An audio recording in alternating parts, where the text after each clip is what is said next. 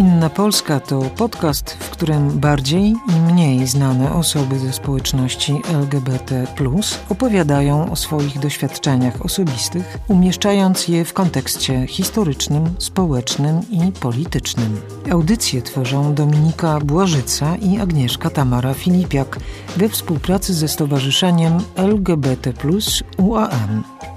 Oto inny odcień Polski, który jest mało widoczny w popularnych mediach.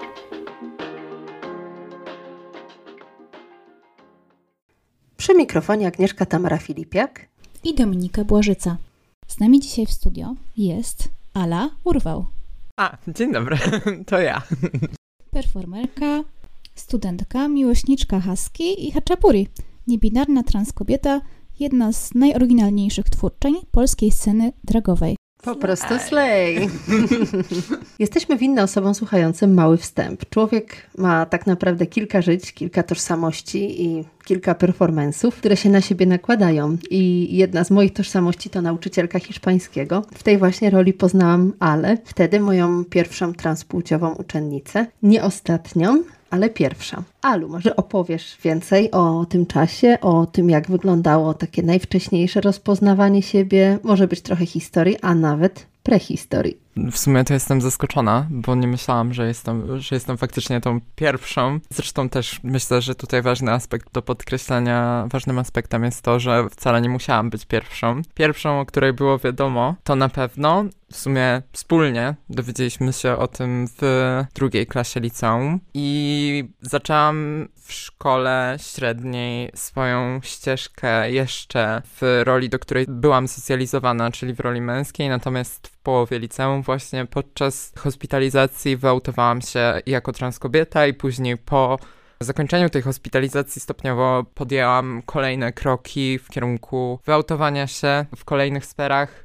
Jedną z tych sfer była właśnie również moja placówka edukacyjna, w której uczyłam się hiszpańskiego między innymi. Natomiast ja wspominam, pomimo tego, że faktycznie był to dla mnie okres jakoś pełen zmian, i odkryć, to wspominam ten okres jako całkiem dobry w tej chwili z perspektywy czasu. Na pewno okres, który chciałabym przeżyć w życiu tylko raz. Myślę, że tak patrząc z perspektywy jakiejś naturalnej ewolucji osobowości, no mam świadomość tego, że pewne elementy jakby były, świetnie mi się do nich wraca i są w tej chwili elementami jakichś wspomnień nostalgicznych, tak do części nigdy nie chciałabym już wrócić może trochę zaogólnikowo mówię. Może będziesz miała ochotę wspomnieć jakieś sytuacje, jakieś momenty, które ci zostały w pamięci, takie, którymi chcesz się podzielić, bo mówisz też o tych, które chcesz wymazać, więc tu niekoniecznie musimy tego dotykać, ale może to też być z jeszcze wcześniejszego okresu, takiego dzieciństwa, kiedy może już jakieś przebłyski tego, kim jesteś naprawdę się pojawiły, ale też może z tego czasu właśnie licealnego. Z czasu licealnego na pewno pamiętam moment, w którym na boisku szkolnym E, powiedziałam właśnie swojej nauczycielce hiszpańskiego jako jednej z pierwszych osób, że jestem osobą biseksualną. Wtedy dla mnie był naprawdę spory krok i spore wyzwanie. Zważywszy na to, że na wcześniejszych etapach swojej edukacji ja mimo wszystko byłam w dość nie tyle co konserwatywnym, co raczej szeroko przyjętym i ogólny, ogólnopowszechnym systemie polskim, dlatego że no ja chodziłam do gimnazjum i do podstawówki na wsi, gdzie myślę, myślę, że niekoniecznie wcale jakoś, powiedzmy, nad wyraz do szkoły przenikała religia i nauka religii, bo myślę, że to było bardzo porównywalne do tego, jaki jest ogólny obraz polskiej szkoły. Natomiast mam świadomość tego, że to środowisko wcale nie było jakoś przychylne osobom queerowym i przez ten bardzo długi okres właściwie jakoś żyłam jednocześnie w tej presji społecznej, presji ciszy i milczenia, jednocześnie sama ją kultywując i sama odtwarzając i internalizując przeżywanie osób queerowych jako dziwaków i jako wyrzutków społeczeństwa. Myślę, że to jest dla mnie w tej chwili absolutnie jasne, że wtedy ja, no, miałam bardzo dużo zinternalizowanych queerfobicznych poglądów, które właściwie dopiero właśnie w liceum zaczęły się stopniowo kruszyć i ulegać tej erozji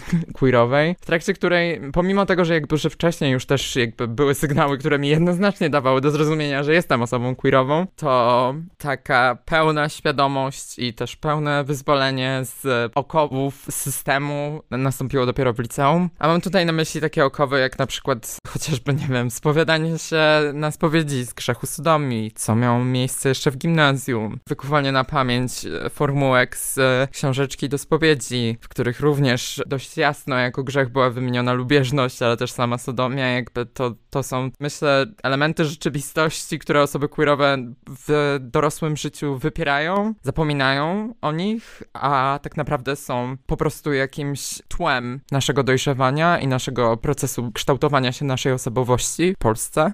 Myślę, że dopiero po latach ludzie są w stanie dać sobie sprawę z skali tego, jakim piętnem to się odbija na naszej psychice i jakie to jest szkodliwe w skutkach. Ja właściwie mm, nie jestem, powiedzmy, tym klasycznym przykładem wzorowej binarnej transkobiety, która od dzieciństwa wiedziała, że chce ubierać się w odzież swojej mamy, która prosiła o zwracanie się w zaimkach żeńskich. Ja na pewno nie jestem tym wzorem takiego dziecka, bo ja, odpowiadając już po raz setny, bawiłam się w dzieciństwie dinozaurami i to był wyznacznik mojej płciowości, czyli po prostu nienacechowanie te, tego dzieciństwa Myślę, że to jest spory błąd, jaki popełniają nie tylko rodzice, ale też polscy seksuologowie, obciążając właściwie dzieciństwo znamionami płci kulturowej. Myślę, że to jest naprawdę duże nadużycie i pomimo tego, że to właśnie środowiskom, do których przynależą osoby queerowe, zarzuca się seksualizację dzieci, tak myślę, że właśnie raczej szerszy ogół o wiele bardziej dokonuje tego upłciowienia dzieci, niż by się mogło wydawać, co w tej chwili dla mnie jest jakby dość, dość klarowne, dla szerszego ogółu myślę, że to jest po prostu na tyle taka szara codzienność, a raczej różowo-niebieska codzienność, że to jest po prostu niedostrzegalne. Natomiast ja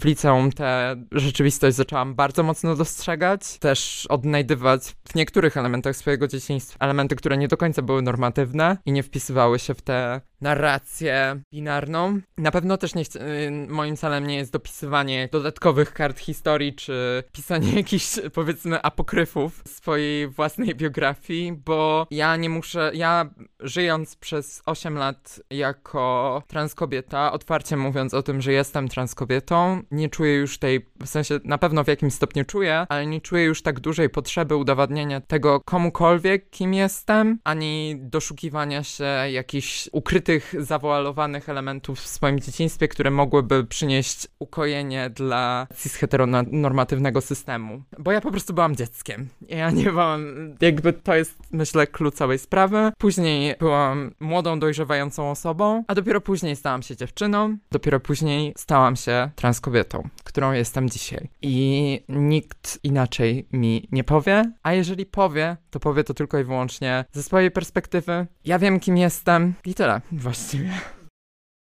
Domyślam się, że na tej drodze, którą idziesz już świadomie 8 lat, y, było też trochę przystanków, było też trochę ślepych uliczek. Jak te chwile zwątpienia łączyły się z pewnością? Kto był i kto jest Twoją grupą wsparcia, Twoją ulubioną czy Twoimi ulubionymi osobami? I co to dla Ciebie znaczy, bo to bardzo ważne chyba tutaj, dobre wsparcie. Ja na początku myślę, że chciałabym podkreślić to, że kto nie wątpi, nie jest człowiekiem i chwile wątpliwości przynoszą chwilę absolutnego zrozumienia i też zrozumienia dla własnej, dla własnej kruchości, powiedzmy, kondycji ludzkiej. I bardzo długo mi przy, bardzo długo mi zajęło zrozumienie tego, że to, że ja nie wiem w danym momencie czegoś o sobie, nie do końca oznacza, że nie wiem w ogóle kim jestem i że to, że nie wiem w danym momencie jakie, z jaką tożsamością się najbardziej identyfikuję, wcale nie oznacza, że to jest jedyne, co mnie określa w moim życiu. I to jest na pewno coś, co ja bym chciała przekazać jakby e, młodym osobom transpłciowym, że wątpliwości są absolutnie naturalną częścią życia ludzkiego. Tych wątpliwości ja doświadczałam wielokrotnie, pomimo tego, że w tej chwili mówię mm, i powtarzam i zarzekam się o tym, że wiem, kim jestem. Wiedza o tym, kim jestem, wynika również właśnie z tych wielokrotnie powracających wątpliwości. Te wątpliwości pojawiały się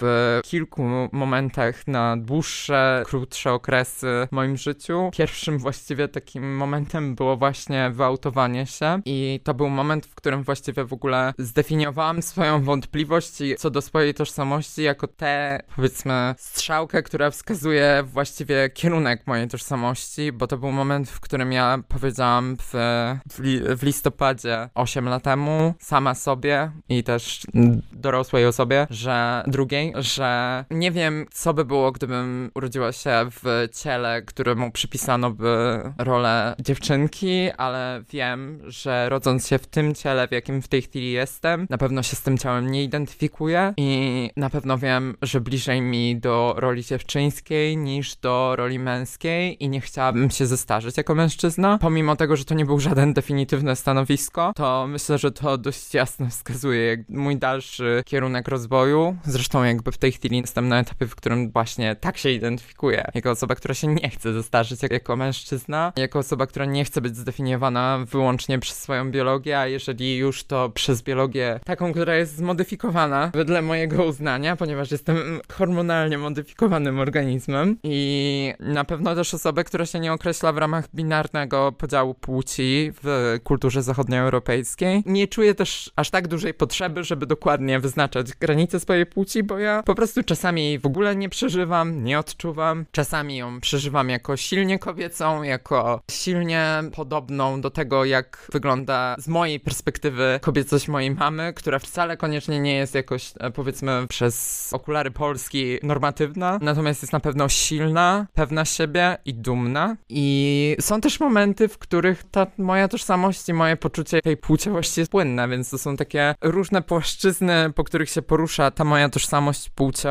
Wracając do samych kwestii wątpliwości, no to na pewno jakby one się pojawiały przede wszystkim w kontekście tego, jakie decyzje chciałam dalej podejmować odnośnie swojego ciała. Myślę, że to jest dalej motyw, który się pojawia, który powraca. Natomiast na tym też polega dorosłość i autonomia, że każdy podejmuje po prostu swoje decyzje i później przychodzi nam z nimi żyć. I to jest tylko i wyłącznie moja decyzja i moja odpowiedzialność, jakie ja decyzje podejmę w związku ze swoim ciałem. I to ja będę z tymi konsekwencjami żyć, a nie nikt inny. Plus do tego myślę, że warte podkreślenia jest też to, że nie wszystkie decyzje są nieodwracalne. Dlatego też myślę, że dużą odskocznią od stresu i presji, jaka jest nakładana na osoby transpłciowe, jest po prostu zakomunikowanie otwarcie faktu, że ta tranzycja jest jak najbardziej okej decyzją. Jest decyzją, która wcale nie jest tragiczna w skutkach. Owszem, to jest po prostu kolejne dojrzewanie. Dojrzewanie, a raczej,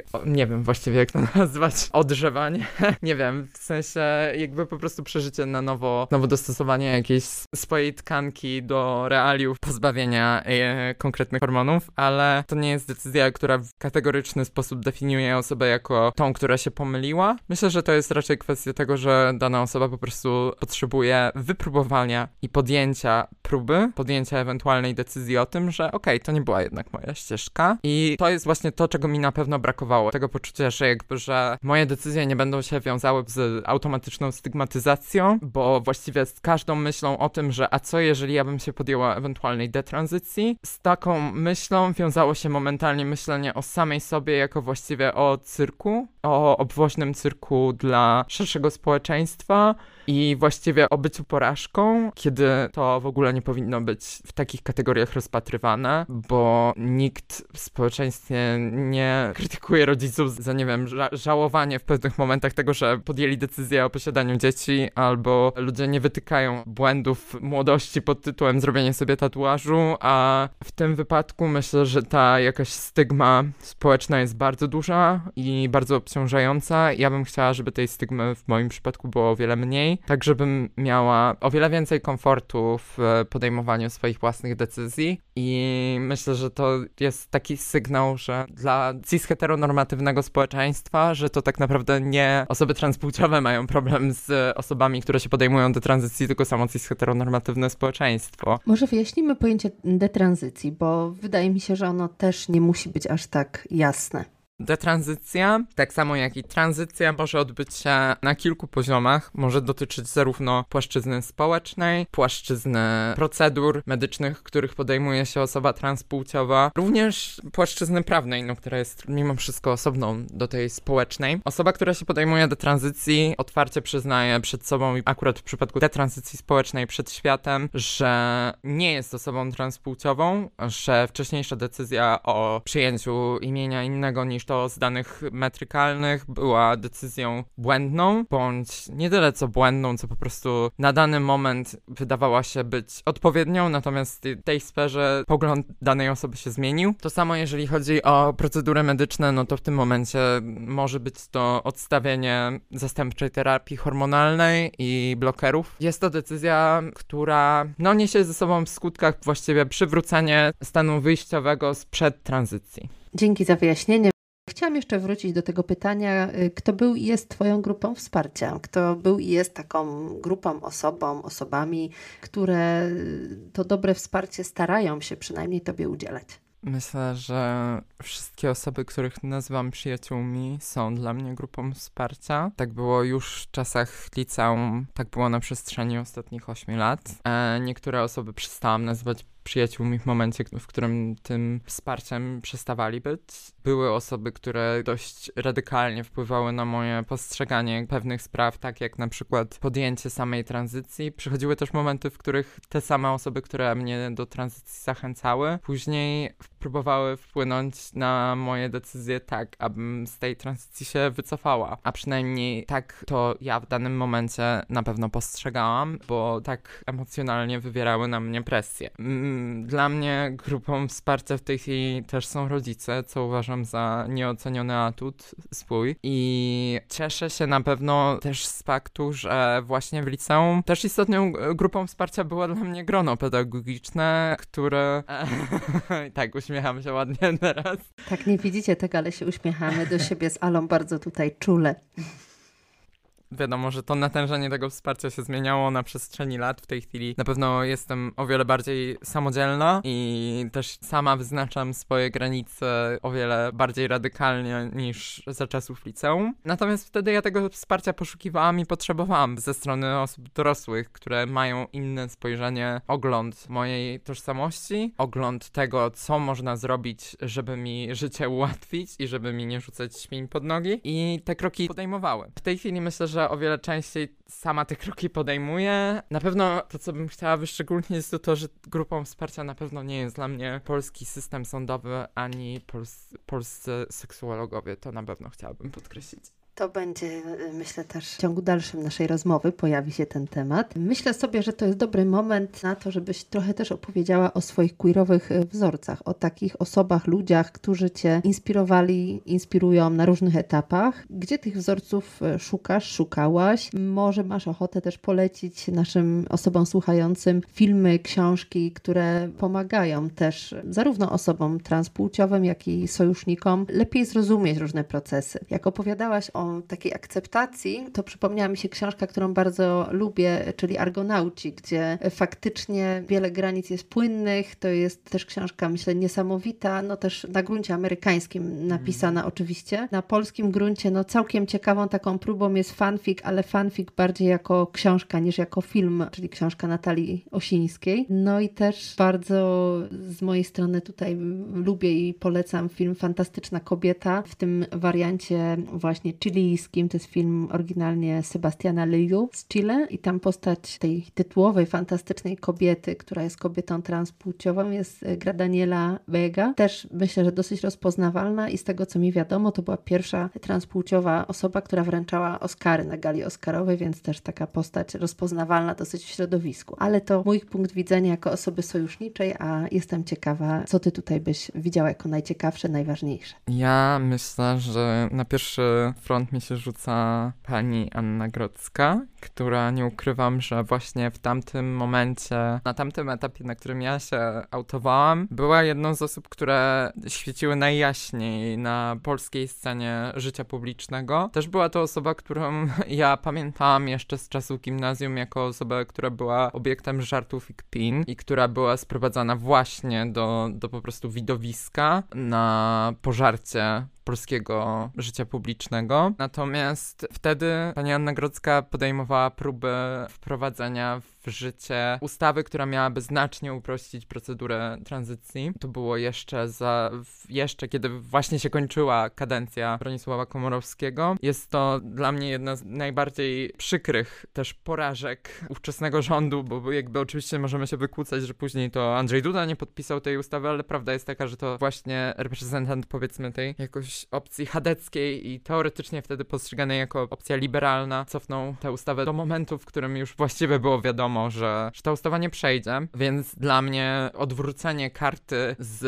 obiektu kpin w osobę, która aktywnie walczy o prawa osób transpłciowych, dla mnie było w tamtym okresie nieocenionym i na pewno z perspektywy czasu tylko się utwierdziłam w tym przekonaniu, że to jest jedna z najważniejszych osób, jakie się pojawiły w polskiej przestrzeni publicznej w kontekście transpłciowości. Też na pewno bym tu wspomniała panią Ewę Hołuszko, która była działaczką Solidarności, którą tak naprawdę później Solidarność odtrąciła i przestała rozpoznawać jako swoją bohaterkę, co jest znowu po prostu przykre. I też w tej części historii była również dla mnie bardzo ważną postacią, bo w momencie, kiedy ja znalazłam się w szpitalu w liceum, ja czytałam dramat Julii Cholewińskiej, Ciała obce, który był zainspirowany historią pani Ewy Hołuszko. I mimo, że ten dramat jakby bardzo jakoś osadza transpłciowość powiedzmy w jakiejś martyrologicznej narracji, niekoniecznie martyrologicznej, ale na pewno dramatycznej i tragicznej, w tamtym momencie na pewno to był jakoś dla mnie nośnik emocji przykrych, trudnych i czytanie tego dramatu było sposobem na uwolnienie tych emocji i otwarcie się też na własną krzywdę i też postrzeganie siebie z jakiejś pozycji osoby trzeciej i jakiejś empatii względem samej siebie. I to jest na pewno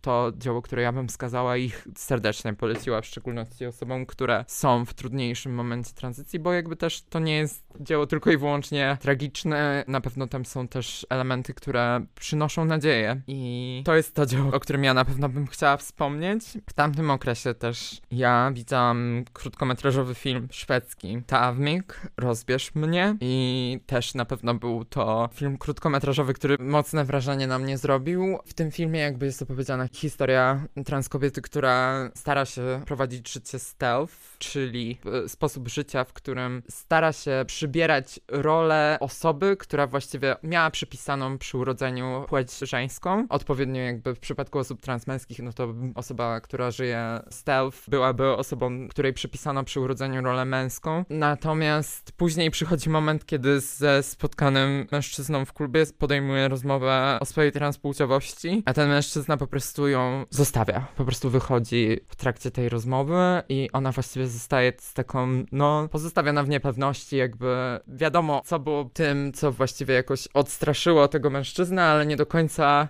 wiadomo właściwie, jakie emocje przeżył ten mężczyzna i czy to bardziej wynikało z tego, że podjął świadomą decyzję, że okej, okay, nie chce jakby podtrzymywać relacji z tą osobą, czy wynikało to jakby z transfobii. Chciałabym na pewno też polecić film Mandarynka w angielskiej wersji Tangerine. Ten film opowiada historię dwóch pracownic seksualnych, czarnoskórych, które obijają się o taką systemową, w takim sensie, że systemową, społeczną transfobię Oczywiście w warunkach Stanów Zjednoczonych, więc trochę to nie na naszym gruncie. Natomiast jakby no to też mi jakoś otwarło oczy na powiedzmy bardziej pełną nadziei, w sensie jednocześnie cholernie trudną i przykrą rzeczywistość osób transkobiecych. Natomiast też bardzo ważnym elementem w tym filmie jest dla mnie po prostu siostrzeństwo osób transkobiecych i siła, jaka płynie z poczucia jedności i posiadania tej społeczności, na którą w razie czego można bezpiecznie lądować i na której można się opierać.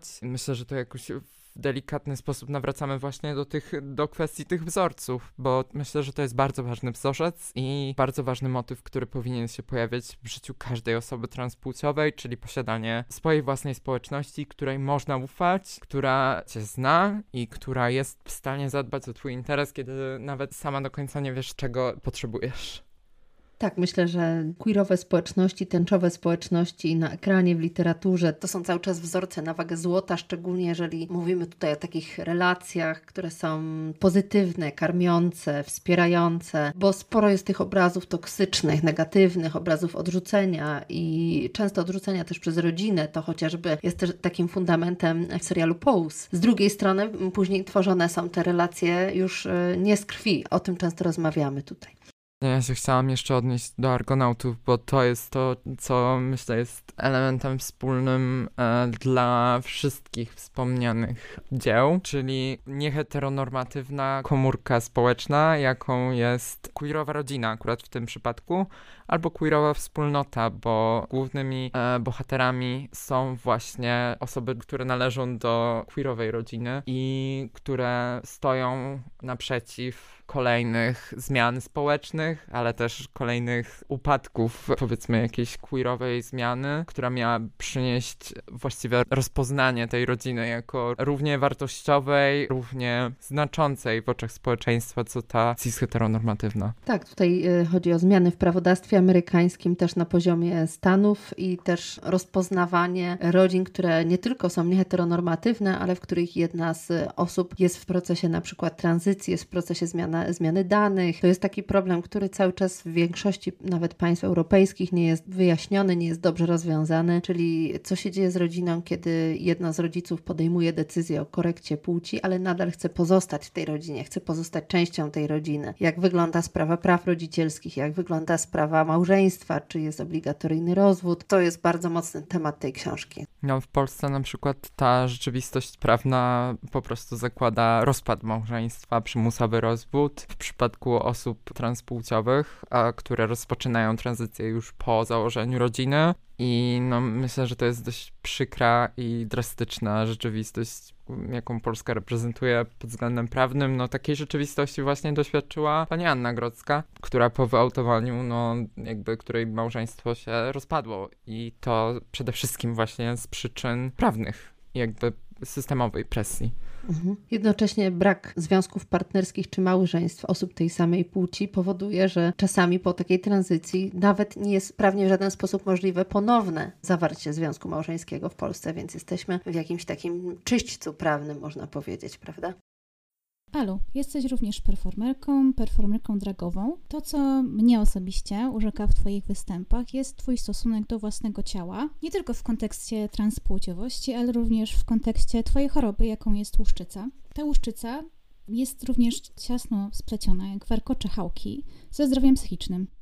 Owszem, łuszczyca jest w sumie czymś, co ja już postrzegam jako taki stały element swojej tożsamości i no trwale wytatuowany na moim ciele element tej tożsamości. Ja mam łuszczycę od wieku dwóch lat, czyli właściwie ja nie pamiętam swojego organizmu bez łuszczycy. Łuszczyca jest chorobą autoimmunologiczną, która objawia się przede wszystkim w postaci czerwonych zmian na skórze które są efektem tego, że przebiegu łuszczycy skóra ludzka z iluś tam krotną większą prędkością wytwarza komórki na skórka i w efekcie powstają właśnie czerwone zmiany różnego rodzaju, różne odmiany też są łuszczycy. No w moim przypadku to jest taka łuszczyca plackowata, czyli zmiany, które są o dość dużej powierzchni, które się łuszczą i pozostawiają łuski. Stąd nazwa łuszczyca. Jest to choroba, których oczywiście przyczyn, jak w większości chorób, ciężko jest się doszukać dopatrzeć, natomiast no jako tak główne się wskazuje przyczyny genetyczne, natomiast też ważnym jest punkt zapalny, czyli moment, w którym ta choroba zaczyna występować i zaczynają się objawy. No i tutaj jakby może być to zarówno jakiś stresor środowiskowy, ale też wystąpienie jakiejś innej choroby, czy też przejście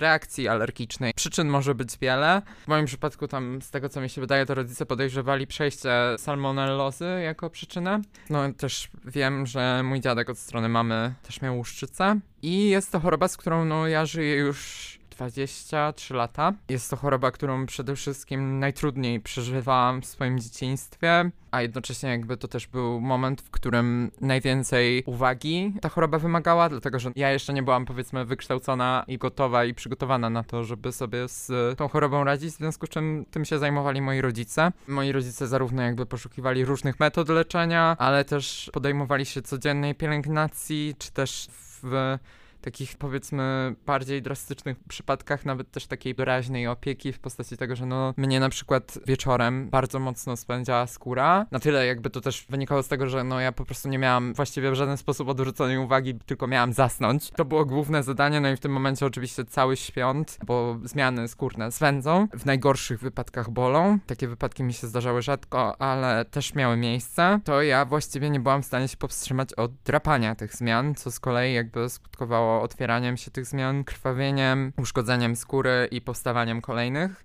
I moi rodzice jakby w takim geście opiekuńczym i zapobiegawczym po prostu starali się mnie trzymać za ręce podczas tego, jak ja zasypiałam. Moja mama jakby starała się na przykład głaskać moją skórę zamiast tego, że ja ją drapałam. No i wiadomo, jakby też była kwestia samej dbałości o skórę, czyli jakby tada przede wszystkim smarował mnie maściami różnego rodzaju, później stopniowo przyuczał do tego, żebym sama to robiła, sama o tę skórę dbała. Wiązało się to oczywiście z dietą, dość rygorystyczną. Przede wszystkim to się sprowadzało do praktycznie wykluczenia słodyczy, tutaj przede wszystkim czekolady. Ja pamiętam moment, w którym raz na Wigilię mama mi pozwoliła zjeść mandarynkę i to się skończyło momentalnym wysypem, takim, że, że właściwie wyglądało jakbym miała reakcję alergiczną. Moja mama po prostu była zrozpaczona, a jednocześnie no, nie mogła już nic zrobić, bo to się stało. Takim z kolei bardziej jakoś przyjaznym wspomnieniem, wiążącym się z jakimś ukojeniem, to były wyjazdy nad morze. Wtedy w dzieciństwie jeszcze nad Morze Czarne, gdzie korzystaliśmy z tego, z moich korzeni ukraińskich, kiedy z tatą po prostu jeździliśmy na Krym.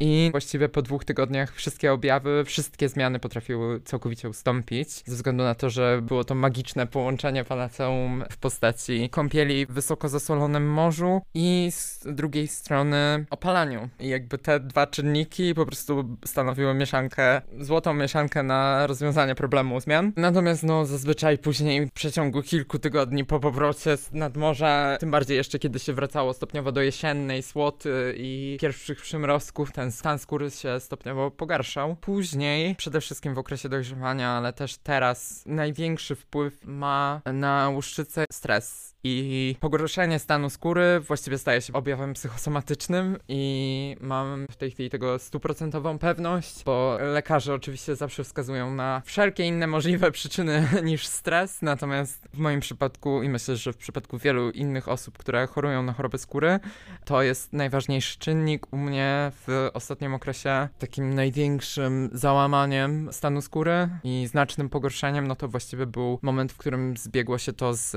pierwszą rozprawą sądową w sprawie o ustalenie płci, to właściwie w przeciągu czterech dni, no myślę, że dodatkowe 30% powierzchni mojego ciała jakby pokryło się zmianami. A teraz z kolei po pewnym spotkaniu również tego pogorszenia doświadczyłam. W bardziej, no powiedzmy, doraźny sposób, przykry sposób, mianowicie nie byłam w stanie zasnąć ze względu na to, jak, jak bardzo mnie spędziała skóra. I tak było przez trzy kolejne dni, że właściwie no potrzebowałam dodatkowych sposobów na to, żeby móc zapaść w ten sen, żeby odwrócić swoją uwagę od świątu. No i jakby to jest takie podwójne zło, w którym jakby jednocześnie wiadomo, że świąt jeszcze generuje jakby stres i, a z drugiej strony no świąt generuje e, drapanie, a drapanie generuje kolejne zmiany. I to jest takie zamknięte koło kolejnych samouszkodzeń, które prowadzą do kolejnych zmian i kolejnego pogorszenia stanu psychiki. Myślę, że przede wszystkim tutaj znowu się pojawia ten element stygmy, który jest jakoś najbardziej obciążający, w sensie nie wiem, ja już jestem przyzwyczajona do tego, że latam ludzie mi się gapią na nogi. Ja po prostu jakby utrzymuję kontakt wzrokowy z ludźmi bezczelnie patrząc się im prosto w oczy, póki nie zorientują się, że może to nie jest zbyt kulturalne patrzeć się komuś na zmiany. Takie najmocniejsze sytuacje, jakich ja doświadczyłam, to była sytuacja, której ja nie pamiętam, którą mój ojciec bardzo mocno przeżył. To była sytuacja, kiedy na basenie ratownik podszedł do mojego ojca i powiedział, że no niestety, ale inne osoby, które znajdują się na tym basenie, poprosiły o to, żebyśmy opuścili basen ze względu na to, że się bały tych zmian skórnych. I ratownik był taki, że no, on wie, ale on nie jest nic w stanie zaradzić, bo to są inni klienci. No i ojciec znalazł jakąś wymówkę, ja już tego nawet nie pamiętam. I po prostu mnie, no, zabrał z tego basenu. Natomiast już w życiu dorosłym, to ja pamiętam w szkole podstawowej teksty pod tytułem, że mnie psy pogryzły. Z kolei w życiu dorosłym to pamiętam sytuacje, w których, nie wiem, sięgałam po jakieś produkty na półce w spożywczaku i opakowane i inni kupujący potrafili spojrzeć się perfidnie mi w oczy i powiedzieć do swojego dziecka, no my z tej półki już nie będziemy brać rzeczy. No, jakby takie sytuacje mi się zdarzały i zdarzają. Też, no, wiem, że teoretycznie jakby na poprawę stanu skóry miało, miałoby wpłynąć terapia hormonalna, ze względu na to, że w momencie, w którym się stosuje estrogen, ta skóra staje się o wiele bardziej miękka i aksamitna. Faktycznie przez jakiś okres czasu mi się ten stan skóry poprawił, natomiast jakby w efekcie tego, że ja w międzyczasie miałam wszystkie możliwe perturbacje sądowe i pozasądowe, to ten stan skóry właściwie jakby utrzymuje się po prostu w stanie, powiedzmy, zagrożonym. Nie mogę powiedzieć, że to jest y, stan wymarły, bądź krytycznie zagrożony, bo jakby takie stany to ja pamiętam przede wszystkim z okresów silnych epizodów depresyjnych, albo właśnie z dzieciństwa. Natomiast jakby ten stan w tej chwili, który jest stanem powiedzmy umiarkowanego zagrożenia, jakby nadal się utrzymuje. Ale też jest jakoś nieodłącznym elementem po prostu mojej tożsamości, którą ja, na którą ja czasami nie do końca nawet zwracam uwagę. Nie ukrywam, że kiedy jakby przyszedł moment, w którym ja faktycznie jakoś doprowadziłam skórę do o wiele lepszego stanu, to bywa mi w tej chwili przykro, jakby, obs że obserwuję faktycznie pogorszenie tego stanu skóry. Chciałabym mieć stan skóry o wiele lepszy i po prostu fajnie jest mieć gładką skórę, ale też jakby mam świadomość tego, że no nałożenie na siebie presji tylko pogorszy sprawę. E, I raczej no, rozpatruję to w kategoriach, że nie wiem, jakby mam jakby w, skórę w panterkę i jakby moja dziewczyna ma dziewczynę w panterkę i, i wcale jej to nie przeszkadza, tak jak to niektórym może przeszkadzać i przeszkadzało, tak na przykład mojej dziewczynie to nie przeszkadza i się z tego bardzo cieszę. Mm, I e, no ja też mam świadomość tego, że po iluś tam e, występach, po iluś tam set pewnie już, e, że dla niektórych fakt, że ja w ogóle wychodzę na scenę z odkrytym ciałem, z odkrytym nawet kawałkiem skóry, to jest po prostu moment przełomowy, w którym też zaczynają postrzegać siebie jako potencjalnie obiekt w ogóle do obserwacji. W sensie to nie jest kwestia tego, że nie wiem, że e, już przechodzimy do etapu obiekt pożądania, którym na pewno jestem, natomiast e, też już sam w ogóle obiekt postrzegania przez widownię i że to jest po prostu dla nich otwarcie po prostu zupełnie nowej szufladki w postrzeganiu własnego ciała, które no z punktu i e, no postrzegali też jako po prostu powód do wstydu, nawet niekoniecznie jakby z, ze względu na jakieś sygnały z zewnątrz, bo zazwyczaj osoby ze zmianami skórnymi starają się to od razu zakryć, ale bez powodu od razu nie, nie starają się tego zakryć, tylko no też właśnie z wytworzonej presji z zewnątrz, która jest internalizowana w mózgu. I to jest też myślę dobra analogia jakby do, do samego procesu autowania się i e, odkrywania swojej tożsamości queerowej, no bo tutaj też ten proces jakby internalizacji poglądów społecznych e, i takiej też, no myślę, że hiperbolizacji pewnych przekonań e, zachodzi. I myślę, że to jest e, no taki absurd, który fajnie jest e, na scenie kruszyć e, i obserwować też reakcje ludzi, e, zarówno bez zmian skórnych, jak i ze zmianami skórnymi. Bo dla mnie to się stało już e, elementem oczywistym moich, moich występów. Jakby były występy, które opierały się, w sensie zrobiłam jeden występ, który się faktycznie opierał w ogóle na temacie skóry i jakby na celu miał to, że chciałam jakby zrobić właściwie sobie sama arteterapię, a w tej chwili dla mnie to już jest po prostu oczy, oczywisty element jakoś mojego, no po prostu wizerunku scenicznego, że tyle ile jest zmian, tyle jest mnie na scenie i tyle. W sensie na pewno nie ma, e, łusek nie ma więcej niż brokatu co, po niektórych występach. Tak sobie myślę, że jakby to jest ciekawe, jak zmiana skórna jest dla ludzi tożsama z brzydotą i z obiektem, mimo że w moim przypadku jakby większość moich performersów i mój wizerunek raczej opiera się trochę na takim powiedzmy wyidealizowanym wizerunku seks bomby transpłciowej. Dobra, w sensie ja sobie już w tej chwili wrzucam naprawdę bardzo mocno w tym odcinku podcastu, ale jakby no myślę, że to jest jakoś ciekawe, że mimo wszystko z jednej strony to jest dla ludzi oczywiste, że ja się muszę tego wstydzić i że to musi być dla mnie szpecące, a z drugiej strony dla mnie to jest jakoś też aspekt, dzięki któremu ja też mogę mieć poczucie, że jakby no moje ciało jest atrakcyjne i przyciągające wzrok. Tak, dosłownie, ocieka seksem ta panterka. Oczywiście, każda panterka ocieka seksem. No właśnie, myślę, że ten najbardziej, najbardziej mi podrzuca ego, no ta informacja zwrotna, którą ja dostaję nawet od innych osób performerskich, bo tak się zdarza, zdarzyło już kilkukrotnie. Po tym, jak ja wyszłam na scenę, tak było na jednym balu w Warszawie, kiedy ja po prostu, no właściwie miałam tylko i wyłącznie na sobie bikini i szpilki, no i oczywiście figi, ale no to już inna sprawa. I wyszłam i tyle. Byłam zestresowana i z perspektywy czasu mam takie, boże drogi, ale miałam dużo zmian i że czuję się z tym niekomfortowo, patrząc na swoje ciało z tamtego okresu, a z drugiej strony mam takie, ale to jest ta sama Aluta, która jakby ma totalnie gdzieś właściwie to, jak, jak tylko po prostu jest zestresowana tym samym wyjściem na, na runway i i jakby jest skoncentrowana na tym i na stresie jakimś scenicznym, a nie ma jakiegoś y, lęku uogólnionego spowodowanego obecnością zmian na jej ciele. No i dla innej osoby, no to był moment, w którym właśnie ta osoba miała w swojej głowie odkrycie, że o kurde, to ja w sumie mogę wychodzić też jakby z odkrytym tułowiem, pomimo tego, że mam zmianę AZS, atopowego zapalenia skóry i że to nie jest powód do wstydu i że no jakby kategoria, akurat w tym momencie chodziło o kategorię sex siren, nie wymaga konkretnej budowy ciała czy konkretnego kanonu piękna. Kanonu piękna, co raczej kanonu celebracji własnej seksualności that part. Slay. Na początku naszej rozmowy wspominałaś o tym, że w czasie liceum trafiłaś do szpitala. Mhm. Opowiedz więcej o tym.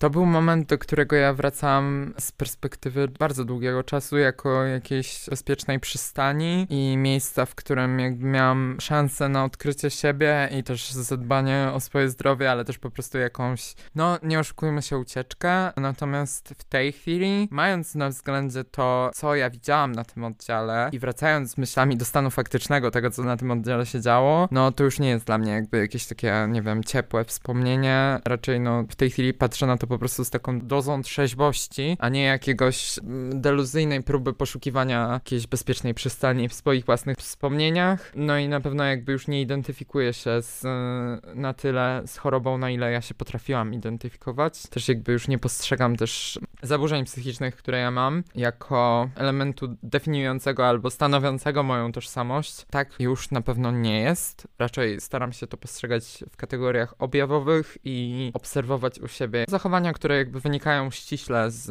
moich zaburzeń, natomiast nie postrzegam tego jako coś, co ani usprawiedliwia, ani definiuje mnie jako osobę gatunku ludzkiego. Więc e, to jest myślę taki punkt. No jakby ja też nie, myślę, że nie ukrywam tego, że ja właściwie od momentu, kiedy ja ze szpitala, ja nieustannie jestem w procesie terapeutycznym. Też jakby specyfika moich zaburzeń jakby wymaga dość długotrwałego procesu psychoterapii. To, że w międzyczasie jakby dość również trwale pojawia się w tym leczeniu strategie farmakologiczne, no to to jest inna sprawa. Natomiast przybierają one na intensywności w zależności od tego, jakby e, jakie to są okresy, czy to są bardziej obciążające psychicznie momenty w moim życiu, czy lżejsze. Ja też jakby nie ukrywam, że ja po prostu jestem ze siebie dumna, że jestem w stanie, że byłam w stanie się jakby utrzymać w procesie terapii i zadbać o siebie, a nie wyrzucić wszystko przez okno, bo takie momenty oczywiście takiego zwątpienia przychodziły i zwątpienia też jakby sam system tej opieki pod kątem zdrowia psychicznego. E, w tej chwili to już nie są chwile zwątpienia, jakby to jest ogólne zwątpienie odnośnie jakby stanu, w jakim znajduje się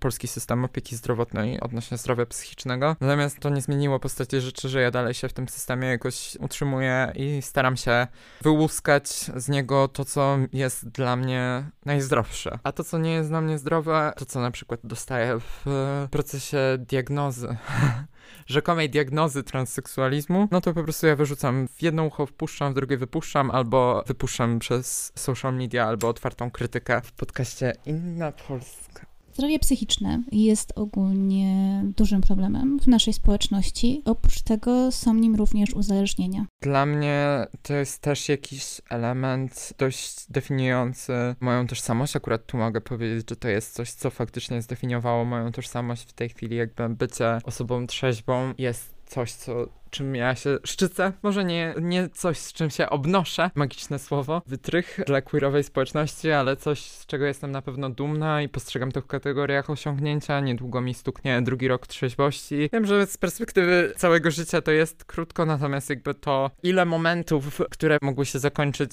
nawrotem nadużywania alkoholu, czy po prostu alkoholizmu. Ja jestem cholernie dumna, patrząc z perspektywy czasu, ile trudnych momentów ja byłam w stanie przetrwać bez sięgnięcia po alkohol, bo w przeciągu ostatniego półtora roku naprawdę tych momentów było bardzo dużo, począwszy od wybuchu wojny w Ukrainie, w sensie wybuchu wojny, jakby wtórnego nawrotu konfliktu zbrojnego, bo ta wojna trwała już od 2014 i później w efekcie uchodźstwa moich dziadków, Później kolejno śmierci moich dziadków, też przeżyć traumatycznych w przeciągu ostatniego półtora roku, które bezpośrednio wiązały się z procedurą tranzycji prawnej, która trwa obecnie już ponad rok, i też innych działań pozasądowych, które stanowiły początek mojej trzeźwości i które wyznaczyły koniec lutego właściwie wyznaczył ten początek mojej trzeźwości. I nie ukrywam, że tak jak przychodzą chwile zwątpienia we własną siłę, tak e, jak sobie pomyślę, ile ja przetrwałam bez alkoholu, ile ja przetrwałam zachowując trzeźwość umysłu w znaczeniu dosłownym i przenośnym. I nie wiem, też przeżywając chwile, które naprawdę były dramatyczne, to jestem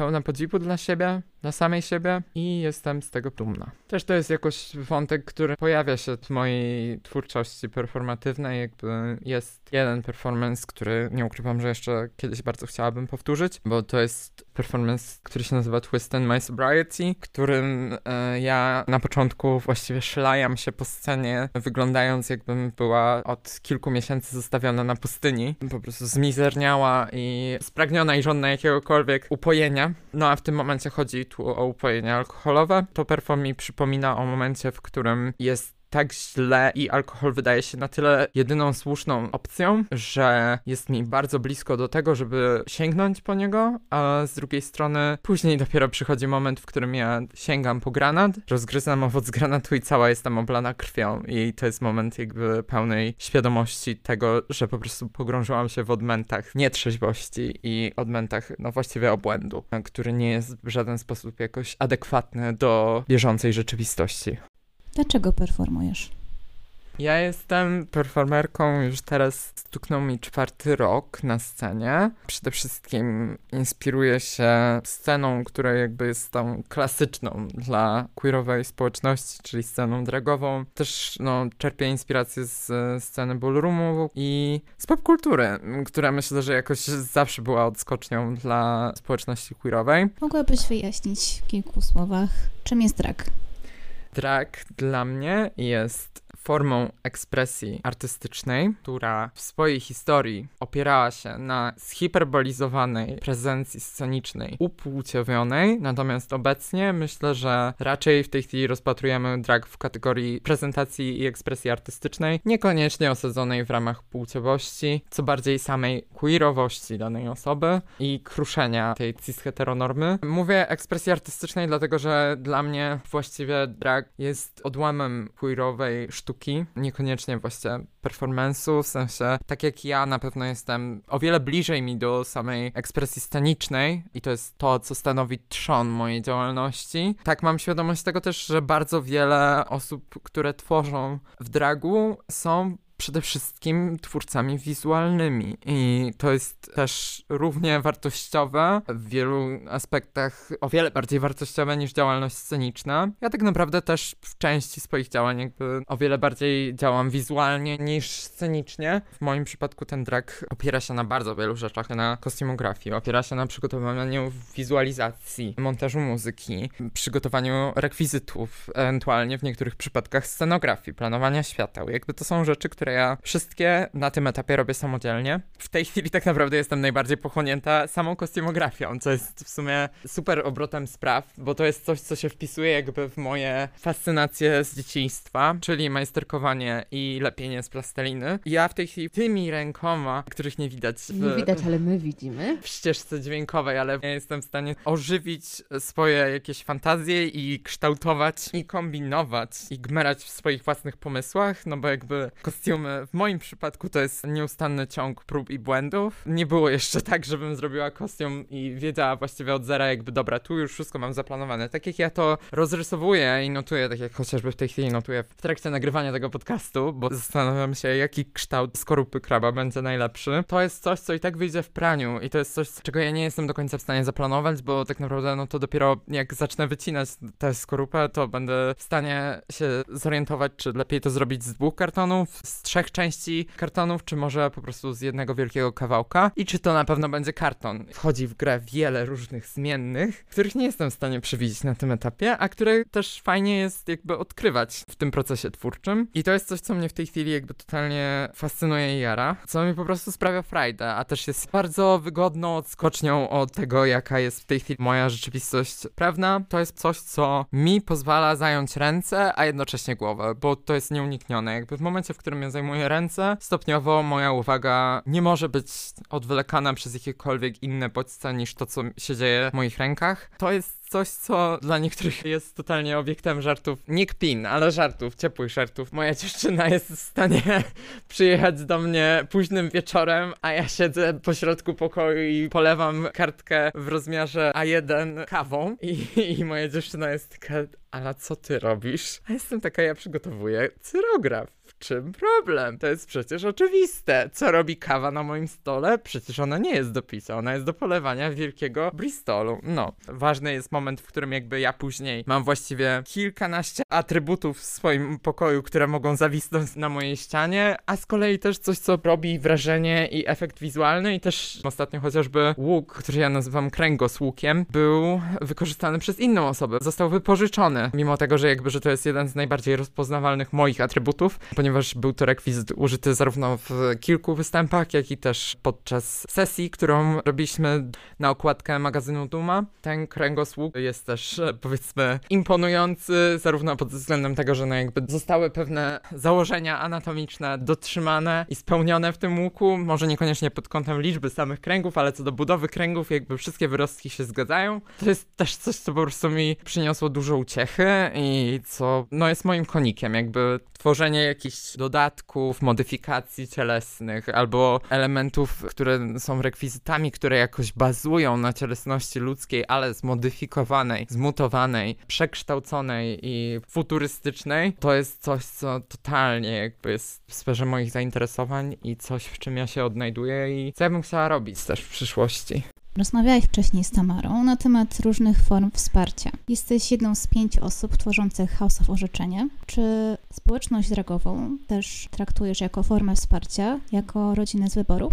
Tak, jak najbardziej tak. Myślę, że też oczywiście są w społeczności drogowej elementy, które można by jak najbardziej wyeliminować i nie mam na myśli koniecznie jakoś elementy swojej rodziny drogowej, natomiast społeczność drogowa jest tak samo toksyczna jak każda inna społeczność. Są obecne plotki, są obecne kłótnie, są obecne długoletnie konflikty. Kancelacje. Kancelacje, no to akurat moja specjalność. No a tak poważnie odpowiadając i odnosząc się do tej pozytywnej i rodzinnej funkcji społeczności drogowej, to tak, ja odnalazłam na scenie dragowej przyjaciół, raczej w odwrotnej kolejności, że najpierw znalazłam przyjaciół, a później jakby współtwórców sceny dragowej. Zresztą myślę, że współtwórców takiej, no jednej z kolejnych fal właściwie rozwoju sceny dragowej, bo House of Orzeczenie powstało na fali, na kolejnej fali rozwoju sceny dragowej poznańskiej. Jestem dumna z bycia częścią tej konkretnej komórki społeczności drogowej. Jakby też myślę, że tutaj warte odnotowania jest to, że osoby członkowskie naszego hausu nie zajmują się tylko i wyłącznie dragiem, zajmują się również chociażby no, obstawą kuratorską wydarzeń, jakby tutaj mam przede wszystkim na myśli Gabi. Ich działalność jest zorientowana też na wiele innych obszarów działalności artystyczno-kulturalnej. Kostek chociażby jakby jest e, twórcą niesamowitych animacji, a raz jakby podejmuje się po prostu działań również jakby w obrębie rekwizytów i działań artystyczno bardziej plastycznych, które no, mnie zwalają z nóg i również szereg obserwatorów i widzów zwala z nóg. Babka z kolei jakby od strony wizualnej, no myślę, że jest jedną z najważniejszych postaci w polskim dragu i reprezentuje drag, który jest myślę, że jakoś... E, mało okrzesane i niekoniecznie jakoś przyjemne dla oka. Mi chodzi przede wszystkim o taką nagość ludzkiej kondycji. No i ja, która nie wiem właściwie co sobą reprezentuje, ale na pewno nic dobrego. Ala samo zło. No na pewno. No ale ja myślę, że ja, pomimo tego, że jakby, że jestem zaklasyfikowana jako ta, która wszczyna awantury i jest kłótliwa, to jakby myślę, że osoby, które mnie bliżej znają, a niekoniecznie już mnie rozpatrują w kategorii osoby, której się boją, bo takie zdania już usłyszałam kilkukrotnie, to mają świadomość tak, że moje podejście wynika też po prostu z jakiegoś, powiedzmy, może i pełnego kifos i lordos i skolios y, kręgosłuku moralnego, ale też wykształconego systemu wartości, którego się staram trzymać i który staram się egzekwować. To dotyczy też samej mnie, jakby to nie jest tak, że ja stawiam jakieś wymagania, którym sama nie jestem w stanie podołać. Też kłótliwość i konfliktowość, jak to przez niektórych jest nazywane, no jakby wynika też po prostu potrzeby egzekwowania pewnych wartości, które są deklarowane w przestrzeniach społeczności queerowej, a które niekoniecznie zawsze są przestrzegane. I tutaj myślę, że też wkracza drugi temat i drugi kolektyw, do którego ja należę. Tu już mówimy o bardziej skodyfikowanej postaci kolektywu, mianowicie kolektyw postqueer. Kolektyw postqueer również składa się e, z pięciu osób i jest to kolektyw, którego działalność jest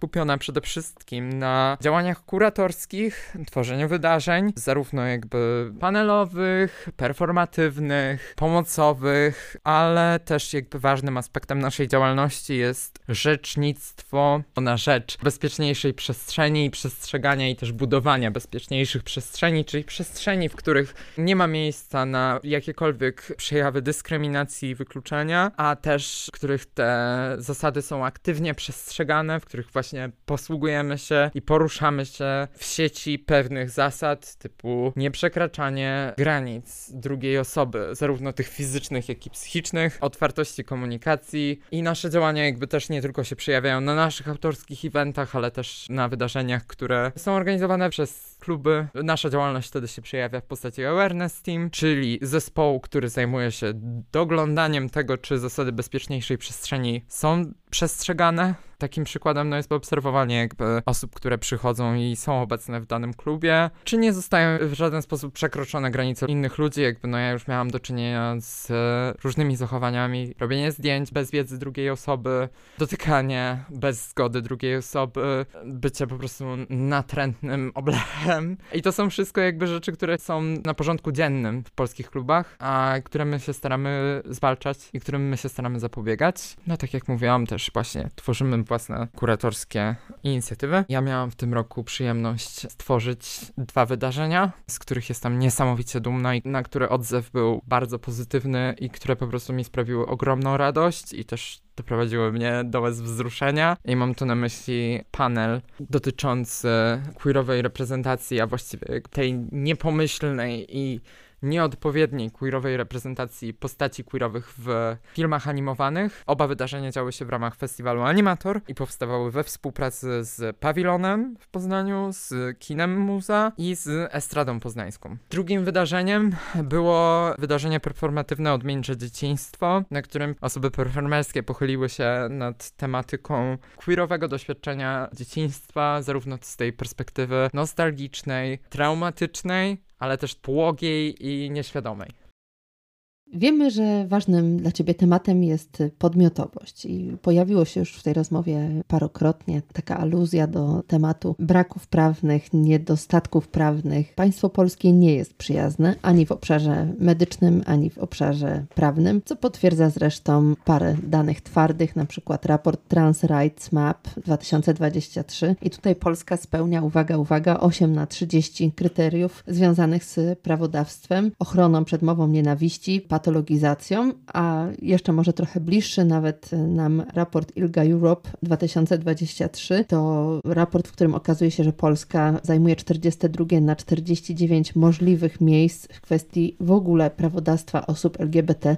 Opowiedz proszę o swoich doświadczeniach w sferze prawnej. Jeżeli chodzi o sferę polskiego prawodawstwa w kwestii mojej prywatnej transpłciowości, no to jest dramat. Myślę, że taki ogólnik, to co jest powtarzane non-stop, czyli składanie pozwu przeciwko własnym swoim rodzicom, jest już być może znane słuchaczom, natomiast aspekty szczegółowe składanego pozwu to już jest zupełnie inna historia. Najpierw przygotowałam się do takiego hipotetycznego procesu sądowego. Przygotowałam się przechodząc diagnozę seksuologiczną, psychologiczną i psychiatryczną. W tym przypadku akurat to była trójka specjalistów, dwóch z dziedziny psychologii, jedna specjalistka z dziedziny psychiatrii i seksuologii, natomiast w efekcie to jakby obciążyło naszą rodzinę finansowo na około kilka tysięcy złotych. Natomiast Później skierowałam ten pozew z załącznikami. Skierowałam również w załączniku umowę prorogacyjną, która pozwala na przeniesienie sprawy sądowej do innego sądu okręgowego niż ten, który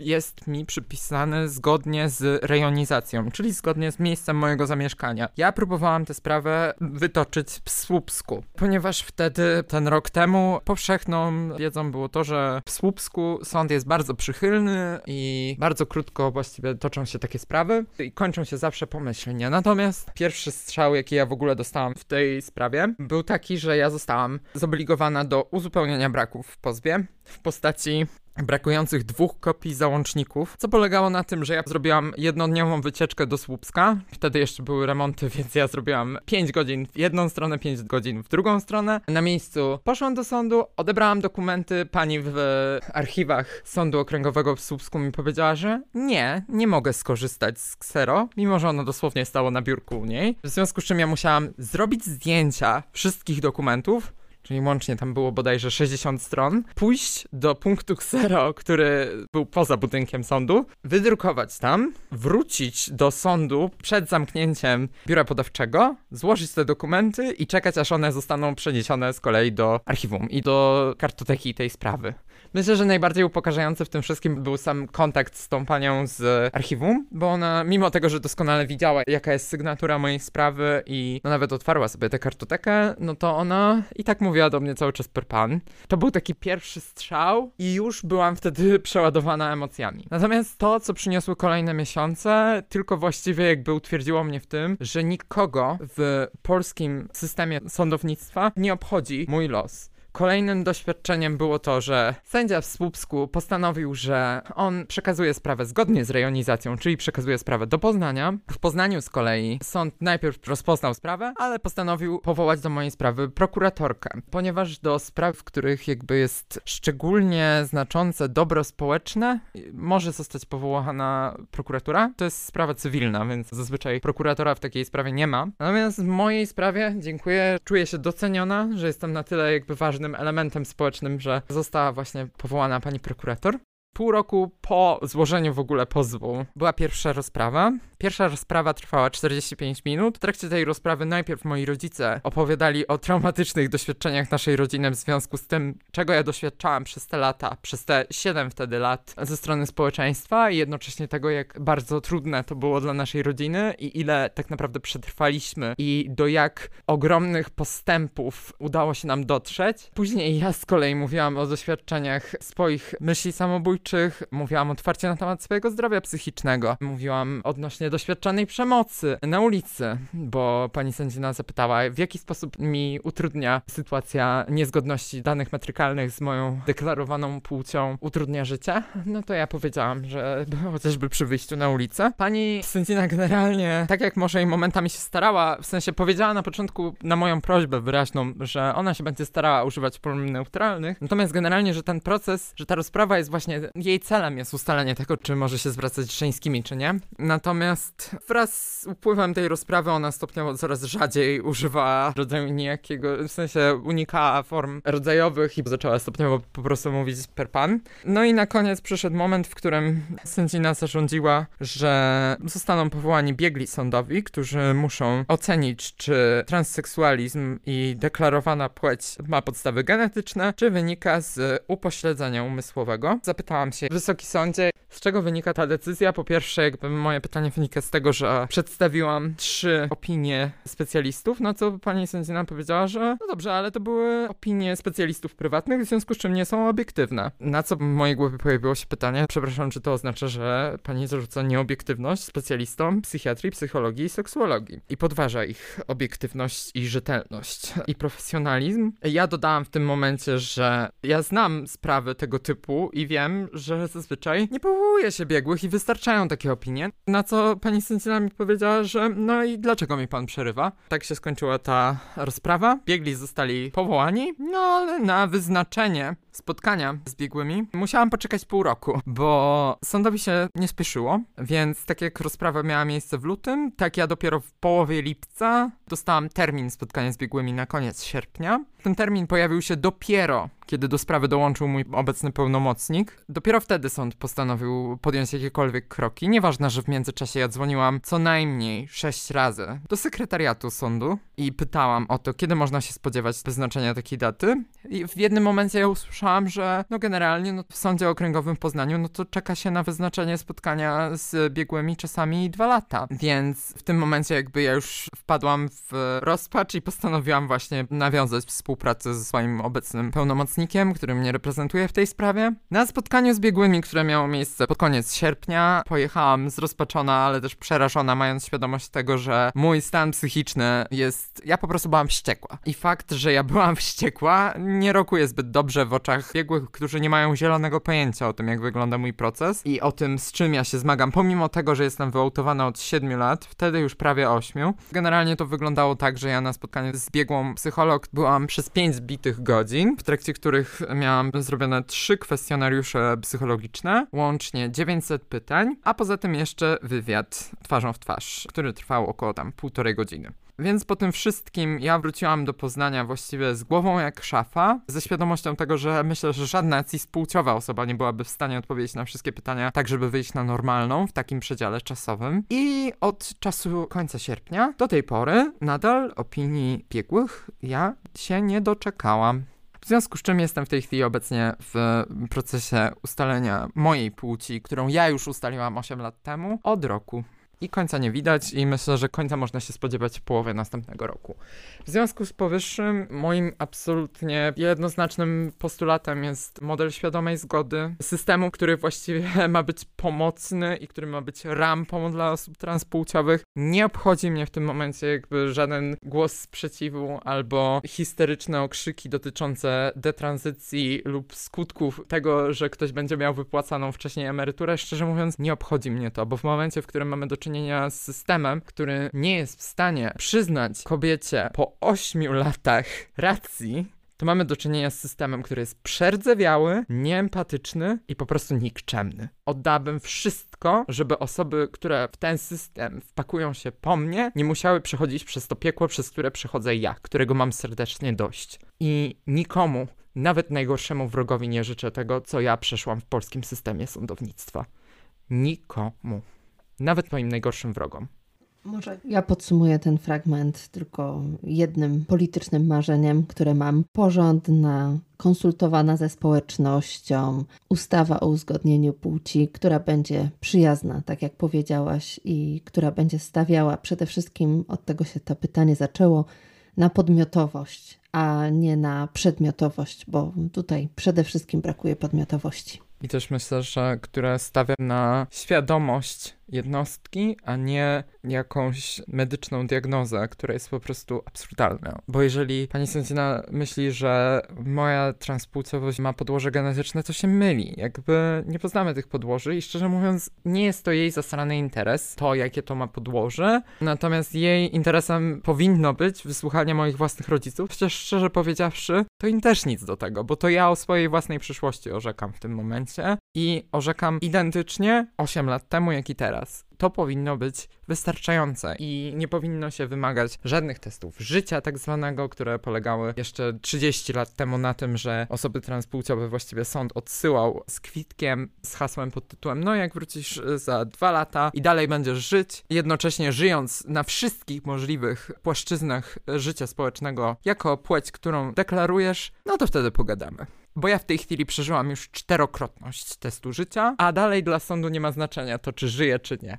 Jako, że nasz podcast też ma taką formę popularyzatorską, y, czy chciałabyś króciutko jednak wyjaśnić, dlaczego jest konieczne pozwanie własnych rodziców w polskim prawodawstwie? Polskie prawodawstwo nie przewiduje w żaden sposób, konstytucja nie przewiduje wypadków, w którym dana osoba mogłaby potrzebować zmiany danych metrykalnych, mając tutaj na myśli przede wszystkim zmianę danych dotyczących płci. Cały myk, na którym opiera się procedura uzgodnienia płci w polskim prawie, opiera się na postanowieniu Sądu Najwyższego z lat 90., które właściwie włącza w sprawę rodziców jako stronę postępowania sądowego, dlatego że proces procesie sądowym konieczne jest zaistnienie dwóch stron tego postępowania, jednej pozywającej, a drugiej, która z tym pozwem się mierzy. Jako, że dość skomplikowanym byłoby pozywanie lekarzy, to zaproponowanym rozwiązaniem było pozywanie rodziców. Oczywiście w niektórych wypadkach jest to niemożliwe, bo niektórych osób rodzice już nie żyją w momencie, w którym zostają pozwani, w związku z tym zostaje wyznaczony w takich przypadkach kurator, który reprezentuje interes rodziców. W takich procedurach jakby właściwie wszystko zależy od sądu, i od rodziców, którzy jakby są pozywani w danej sprawie. Ja mam to szczęście, że moi rodzice w żaden sposób nie planują i nie chcą utrudniać tej sprawy, wręcz wszystkimi siłami i deklaracjami starają się ją przyspieszyć. Ja mam to nieszczęście, że w tym momencie sąd wie lepiej ode mnie i od moich rodziców, jaka jest moja rzeczywistość i kim ja jestem, i tak samo wie to lepiej pani prokurator.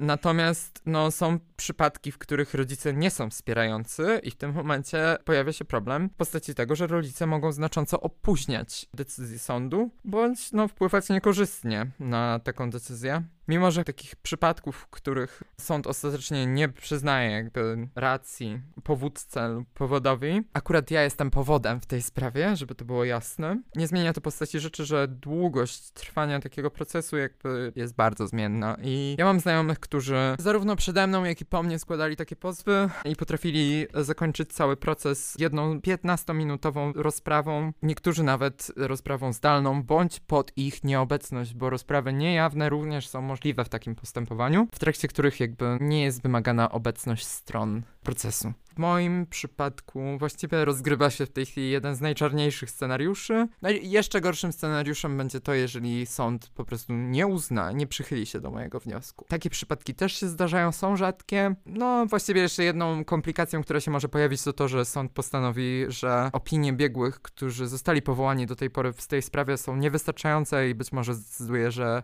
że zalecanym i słusznym krokiem będzie powołanie biegłych, którzy pojawią się na rozprawie. To jest właściwie jeszcze jedyna komplikacja, która się może pojawić w tej sprawie, no pomijając kwestie finansowe, które są no niebotycznie wysokie.